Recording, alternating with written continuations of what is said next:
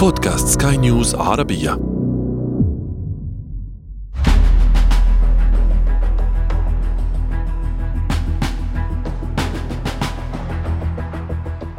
في أبريل من عام 2022 سجل معدل التضخم في الولايات المتحدة أعلى مستوى له منذ أربعين عاماً بسبب ارتفاع أسعار الوقود نتيجة للحرب في أوكرانيا.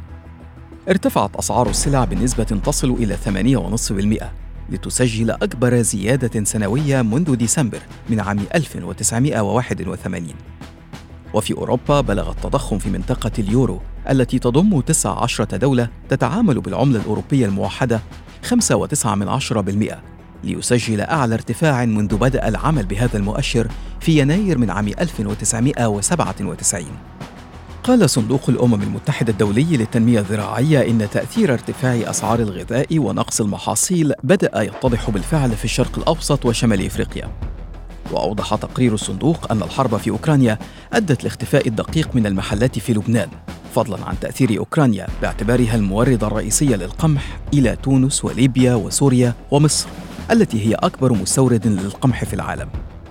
في نفس الوقت حذرت الأمم المتحدة ووكالات إغاثة إنسانية من أن الملايين يواجهون خطر المجاعة في منطقة القرن الإفريقي مع احتمال طول أمد أسوأ جفاف في أكثر من أربعين عاما وتحوله إلى خامس موسم على التوالي من نقص الأمطار. كانت المعارك تندلع في أوكرانيا لكن تأثيراتها امتدت إلى كل دول العالم خاصة تلك النامية والفقيرة. اللافت أنه في نفس الوقت أظهرت المؤشرات الاقتصادية تحسن الاقتصاد الروسي. وبعد تراجع كبير في الأيام الأولى من الحرب عاد الروبل ليصعد بقوة أمام الدولار وأظهرت مؤشرات انخفاضا في قيمة التضخم لدى روسيا. كيف حدث ذلك؟ في وقت تتعرض فيه روسيا لعقوبات متتالية تستهدف قطاعاتها الصناعية والمصرفية ولماذا تأثرت الولايات المتحدة وأوروبا بالعقوبات التي فرضتها على موسكو بشكل لا يقل عن تأثر روسيا بها؟ وكيف سيؤثر ذلك على منطقة الشرق الأوسط والدول العربية؟ هذا أنا عمرو جميل أحييكم وأنتم تستمعون إلى بودكاست بداية الحكاية بداية الحكاية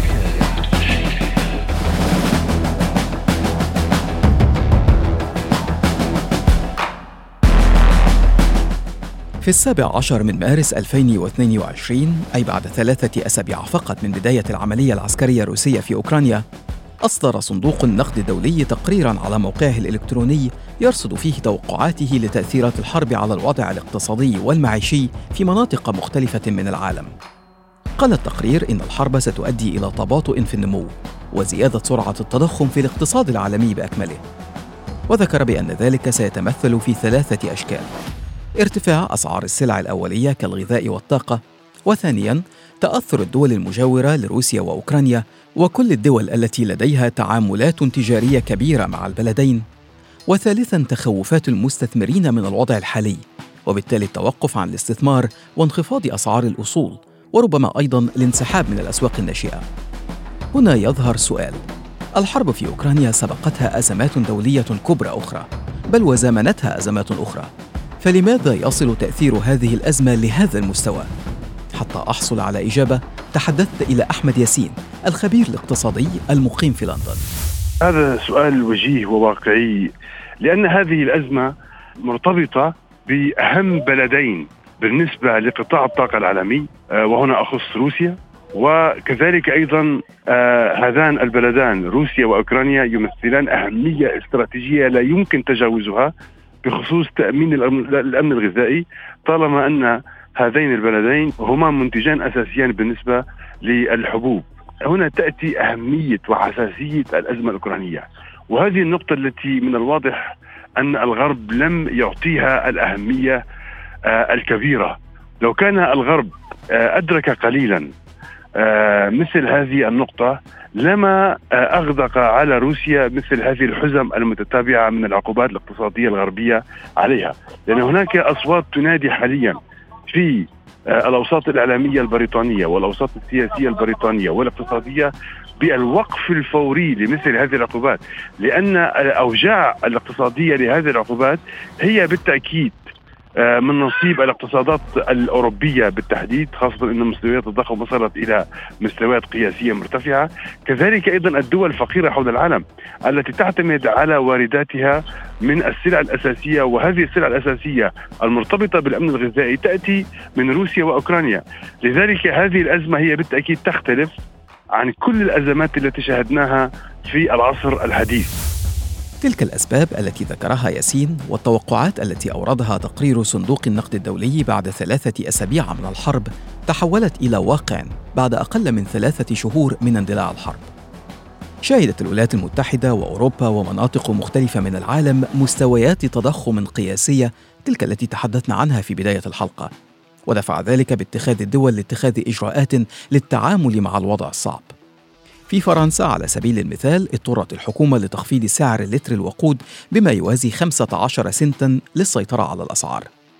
دول أوروبية أخرى منحت قسائم لموظفيها أو خصومات أو تخفيضات ضريبية أو وضعت حدودا قصوى لأسعار الطاقة. أما في الدول العربية فالوضع أسوأ. تستورد الدول العربية مجتمعة نحو 60% من احتياجاتها من الحبوب من روسيا وأوكرانيا بالإضافة إلى فرنسا ورومانيا. لكن لروسيا وأوكرانيا ثقل خاص في توريد الحبوب للدول العربية بسبب سعرها المنخفض في البلدين. روسيا على سبيل المثال تعد المصدر الرئيسي للقمح في مصر. اليمن يحصل على نصف طلباته من الحبوب من روسيا وأوكرانيا.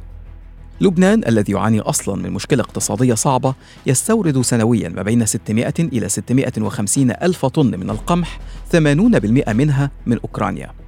تونس التي تستورد 60% من القمح من أوكرانيا وروسيا رفضت بواخر تفريغ حمولتها من القمح لعدم دفع ثمنها.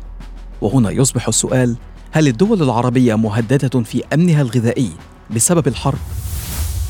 يعني قبل الإجابة المباشرة لسؤالك دعني أنوه آه، لجانب أساسي هو أن لا يمكن تحميل مسؤولية عدم تمكن الدول العربية من تحقيق الأمن الغذائي. على الأزمة الأوكرانية والتبعات الاقتصادية التي نتجت عنها.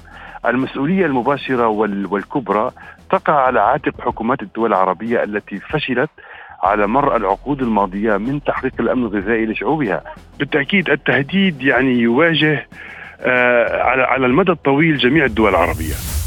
لكن اللافت أنه في وقت يعاني فيه العالم كله تقريبا من تداعيات تلك الحرب تبدو روسيا واثقة من قدرتها على تحمل تلك التبعات بل ومعها العقوبات الغربية الهائلة التي أقرت عليها.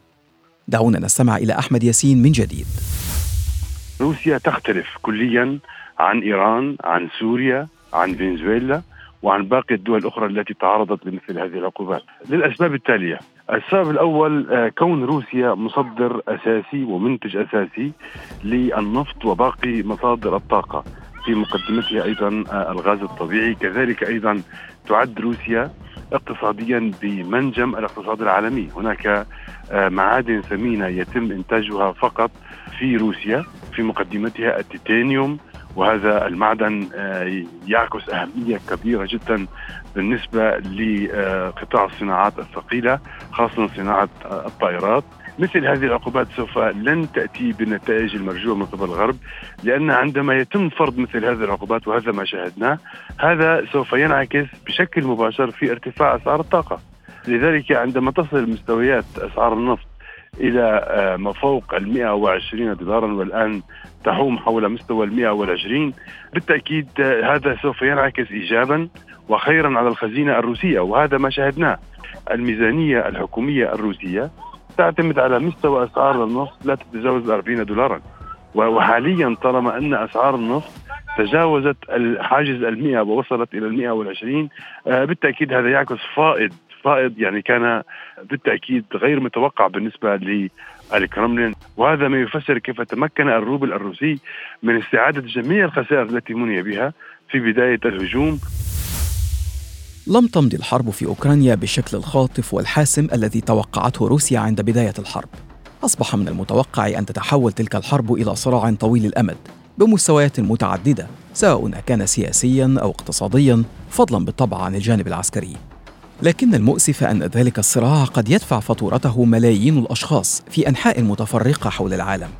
كثيرون منهم لا يعرفون سبب الصراع أصلا بين روسيا وأوكرانيا.